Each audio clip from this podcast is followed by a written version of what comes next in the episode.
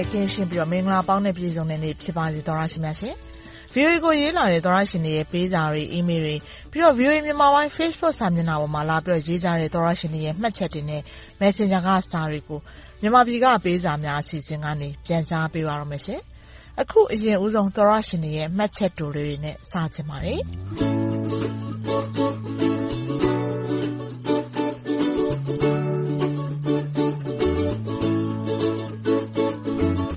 လင်းထက်ဆိုတဲ့သောတရှင်ကတော့မင်္ဂလာပါ။ VOA ကသတင်းစုံတွေ၊သတင်းမှန်တွေအမြဲတမ်းတင်ဆက်ပေးနေတဲ့အတွက် VOA ကိုအစဉ်မပြတ်အားပေးနေပါတယ်ဆိုပြီးစာတိုလေးရေးလာပါတယ်။အခုလိုနားဆင်အားပေးတဲ့အတွက်အထူးကျေးဇူးပါ။ကိုမောင်မျိုးဆိုတဲ့သောတရှင်ကအလုပ်တွေမအားတဲ့ကြားကနေစာရေးလိုက်ပါတယ်။မိတ်ဆွေတဲ့ VOA ရဲ့၂၀၂၃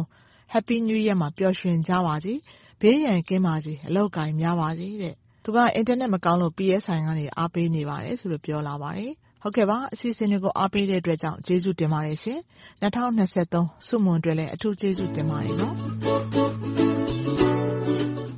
နှစ်သစ်မှာ VOA ကတဆင့်အားလုံးကို Happy New Year ပါဆိုပြီးတော့နှစ်သစ်နှုတ်ခွန်းဆက်လာတဲ့သောတရှင်ကတော့ John Baker ဖြစ်ပါတယ်။မင်္ဂလာပါ။ကျနော်နှစ်ပေါင်းများစွာနားထောင်လာခဲ့တဲ့ VOA ကိုယခုတိုင်နားထောင်နေဆဲပါ။သတင်းကိုအဓိကနားထောင်ပါတယ်။အခုဆိုရင်အရုပ်ကောအသံပါ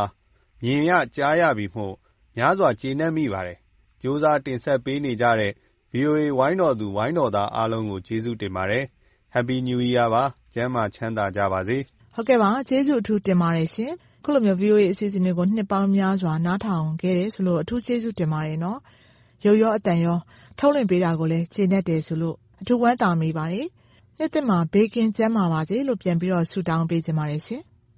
နောက်ထပ်သောတရှင်တယောက်ကတော့ ကမ္ဘာ့နိုင်ငံအသီးသီးက ပြည်သူတွေ နှစ်သစ်မှာ မင်းကောင်းမင်းမြတ်နဲ့ ရာသက်ပန်ရှောင်လန်းနိုင်ပါစေလို့ ဆုပန်လိုက်ပါတယ်ဆိုပြီးတော့ဆုတောင်းပေးလာပါတယ်။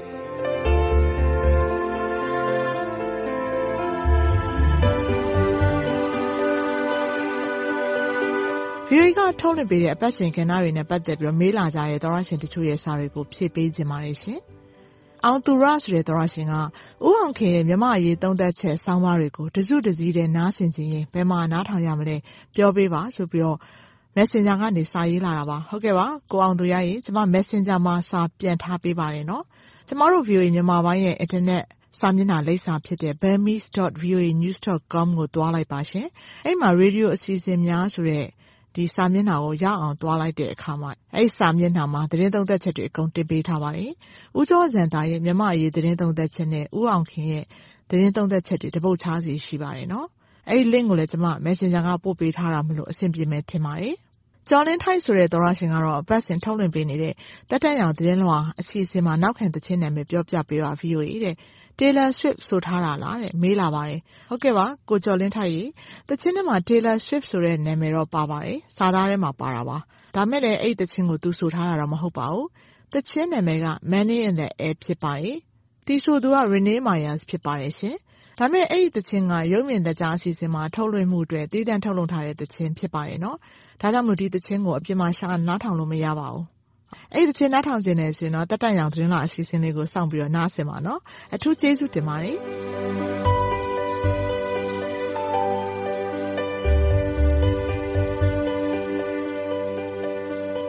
တရှင်တွေမြန်မာပြည်ကပေးစာများအစီအစဉ်ကိုစာရေးကြတဲ့အခါမှာ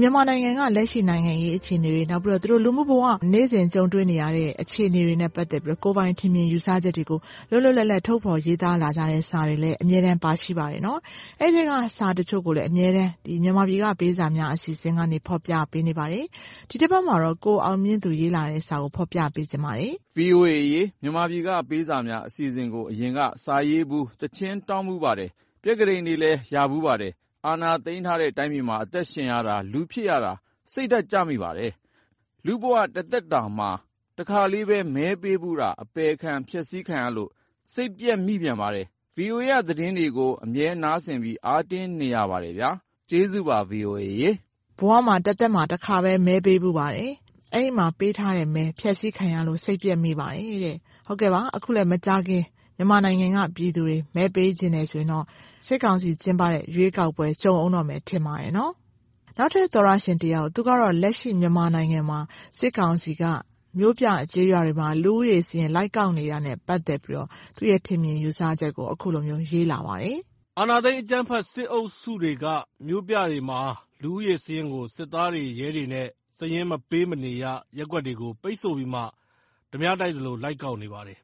သန်းခေါ င်စာရင်းထဲမှာပါပေမယ့် အိမ်မှာလက်ရှိမရှိနေသူတွေကို မှင်နီတား ပယ်ထုတ်တာမျိုးတွေ လုပ်နေပါတယ်။ဒီလိုလုပ်တာက PDF, CDM တွေကို သန်းခေါင်စာရင်းထဲက ထုတ်ပယ်လိုက်တာပါ။မြန်မာနိုင်ငံသားတွေကို Blacklist လုပ်နေတာပါ။အာဏာသိမ်းအကြမ်းဖက်စစ်အုပ်စုက ယုတ်မာနိုင်သမျှ ယုတ်မာနေကြတာပါ။”ဒါကတော့ မြန်မာနိုင်ငံမှာ စစ်ကောင်စီက ရွေးကောက်ပွဲ မကျင်းပခင် လူဦးရေစာရင်း ကောက်တယ်ဆိုပြီး မြို့ပြကျေးရွာတွေမှာ လိုက်ပြီးလူဦးရေစာရင်း စစ်ဆေးတာနဲ့ ပတ်သက်ပြီးသောတရှင်တယောက် ရေးလာတာပါ။နောက်ထပ်သောတရှင်တယောက်ကလည်း ဒီလူဦးရေစာရင်းကောက်တဲ့ ဖြစ်ရပ်နဲ့ ပတ်သက်ပြီးပဲ ရေးလာတာပါ။ဒီသောတရှင်က ဇန်နဝါရီလ၁၂ရက်နေ့က ရေးလာတာ ဖြစ်ပါတယ်။သူက ရန်ကုန်မြို့ထဲမှာ လူဦးရေစာရင်းကောက်တဲ့ အခြေအနေကို အခုလို ရေးပြောလာပါတယ်။“ဇန်နဝါရီလ၁၂ရက်နေ့က သတင်းပါ။မြို့ထဲက ဗိုလ်တထောင်၊ကျောက်တံတား၊ပန်းဘဲတန်းမှာ ရပ်ကွက်ရုံးတွေသွားပြီး အိမ်ထောင်စုစာရင်း ပေးရပါတယ်။ မနေ့ကအထိတော့ လူတွေရှင်းပြီး စာရင်းလာပေးသူတွေ နည်းပါးတယ်လို့ ပြောပါတယ်။သူတို့ကောက်တာ ဘယ်တုန်းက ဘယ်သူပဲနေခဲ့နေခဲ့ လက်ရှိနေထိုင်သူကိုသာ ကောက်ပါတယ်။နယ်ပြောင်းသွားသူ၊နိုင်ငံခြားသွားသူတွေကို မသိချင်ကြပါဘူး။အိမ်ထောင်စုစာရင်းကိုလည်း ဂရုမစိုက်ပါဘူး။လက်ရှိစာရင်းပေးပြီးရင် သတင်းလာပို့သူရဲ့နာမည်၊ဖုန်းနံပါတ်တွေကိုတောင်းပြီး လက်မှတ်ထိုးခိုင်းပါတယ်။သတင်းမှားပေးရင် ပြဿနာရှာမယ့်သဘောရှိပါတယ်။သူတို့ဘက်ကတော့ မဖြစ်ဖြစ်အောင်လုပ်ပါပြီ။ ရွေးကောက်ပွဲ လုပ်ဖြစ်ရင်လည်း အခုလို ခြိမ်းခြောက်ကြဦးမှာ ဖြစ်ပါတယ်။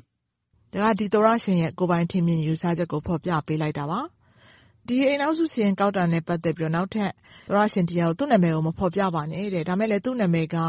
တရုတ်စာလုံးတွေနဲ့ ရေးလာတာ ဖြစ်တဲ့အတွက်ကြောင့်မို့ ကျမလည်း တရုတ်စာ မဖတ်တတ်လို့ယောင်ပြီးတော့တောင်မှ သူ့ရဲ့နာမည်ကို မပြောနိုင်ပါဘူး။ဒီသောတရှင်ကလည်း အိမ်ထောင်စုစာရင်းကောက်တဲ့ သူကိုယ်တိုင် ကြုံတွေ့နေရတဲ့ ဖြစ်ရပ်တခုကို ရေးပြီးဝေမျှလာပါတယ်။“ တို့ဆီမှာတော့ အိမ်ထောင်စုဇယား လုပ်ခိုင်းတယ်။နာမည်တခုထည့်ရင်၁သိန်း။ကျနော့ညီလင်မယား ကလေးဆိုရင်၃သိန်း။စဉ်းစားကြည့်ပါ ဘယ်လောက်ထိ လွန်လဲလို့။မင်းတို့က အဆင်ပြေတယ်လေတဲ့။ထိုင်းမှာ လင်မယား သွားအလုပ်လုပ် ကလေးငယ်အိမ်ထားခဲ့ပြီး ကျွန်ခံနေရတာကို အဆင်ပြေတယ်။ငွေရှိတယ်ဆိုပြီးအကြောင်းဖန် ငွေညှစ်တာပါ။”ဒါက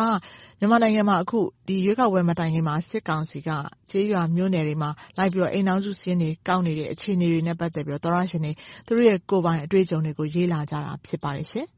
သောတရှင်တွေရဲ့ပေးစာတွေကိုတော့ဒီတပတ်ဒီမှာတင်ရပ်ချင်ပါတယ်။အားလုံးအတွက်ပိုမိုကောင်းမွန်အဆင်ပြေတဲ့နေ့ရက်တွေအမြန်ဆုံးရရှိနိုင်ပါစေလို့ဆုတောင်းပေးချင်ပါတယ်။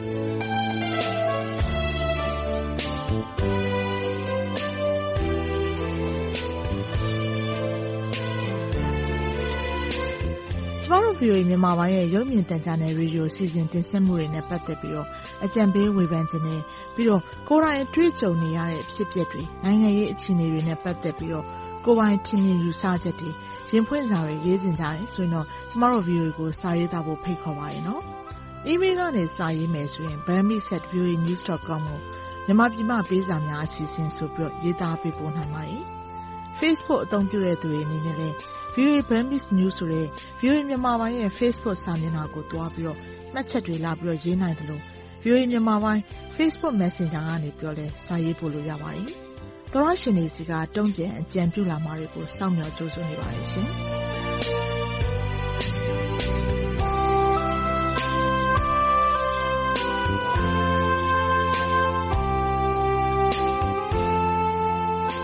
မြန်မာနိုင်ငံနဲ့နိုင်ငံတကာကရေးသားပေးပို့လာတဲ့ဗွီအိုအေမြန်မာပိုင်းသောတရှင်တွေရဲ့ဝေဖန်အကြံပေးစာတွေ၊ရင်ဖွင့်စာတွေနဲ့ဒေသချင်းတောင်းလွှာတွေကို တနင်္ဂနွေနေ့ညပိုင်းနဲ့တနင်္လာနေ့မနက်ပိုင်းအချိန်တွေမှာမြန်မာပြည်ကပေးစာများအစီအစဉ်ကနေထုတ်လွှင့်တင်ဆက်ပေးနေပါတယ်။ရေဒီယိုကနေဖမ်းယူနားဆင်နိုင်တဲ့အပြင်ရုပ်မြင်သံကြားကနေလည်းထုတ်လွှင့်ပေးနေသလိုဗွီအိုအေမြန်မာပိုင်း Facebook စာမျက်နှာနဲ့ YouTube စာမျက်နှာတို့ကနေလည်းထုတ်လွှင့်ချိန်နဲ့တပြိုင်နက်တည်းတိုက်ရိုက်နားဆင်နိုင်ပါတယ်။လွှင့်ထုတ်ပေးခဲ့ပြီးတဲ့အစီအစဉ်တွေကို Facebook နဲ့ YouTube ပေါ်မှာပြန်ပြီးနားထောင်နိုင်သလိုဗွီအိုအေအင်တာနက်စာမျက်နှာနဲ့ဖုန်းပေါ်က VOA App တွေမှာလည်းသွားပြီးနားထောင်ကြည့်ရှုနိုင်ပါတယ်။ ကျမတို့ရဲ့ VOA App နာမည်က VOA Burmese ဖြစ်ပါတယ်။ကျမတို့ရဲ့အင်တာနက်စာမျက်နှာလိပ်စာက burmese.voanews.com ဖြစ်ပါတယ်။ကျမအေးသန္တာကျော်ပါ။ VOA ကိုလည်းစာရေးကြပါဦးနော်။သောတရှင်တွေအားလုံးဘေးအန္တရာယ်ကင်းရှင်းရွှင်လန်းချမ်းမြေ့ကြပါစေရှင်။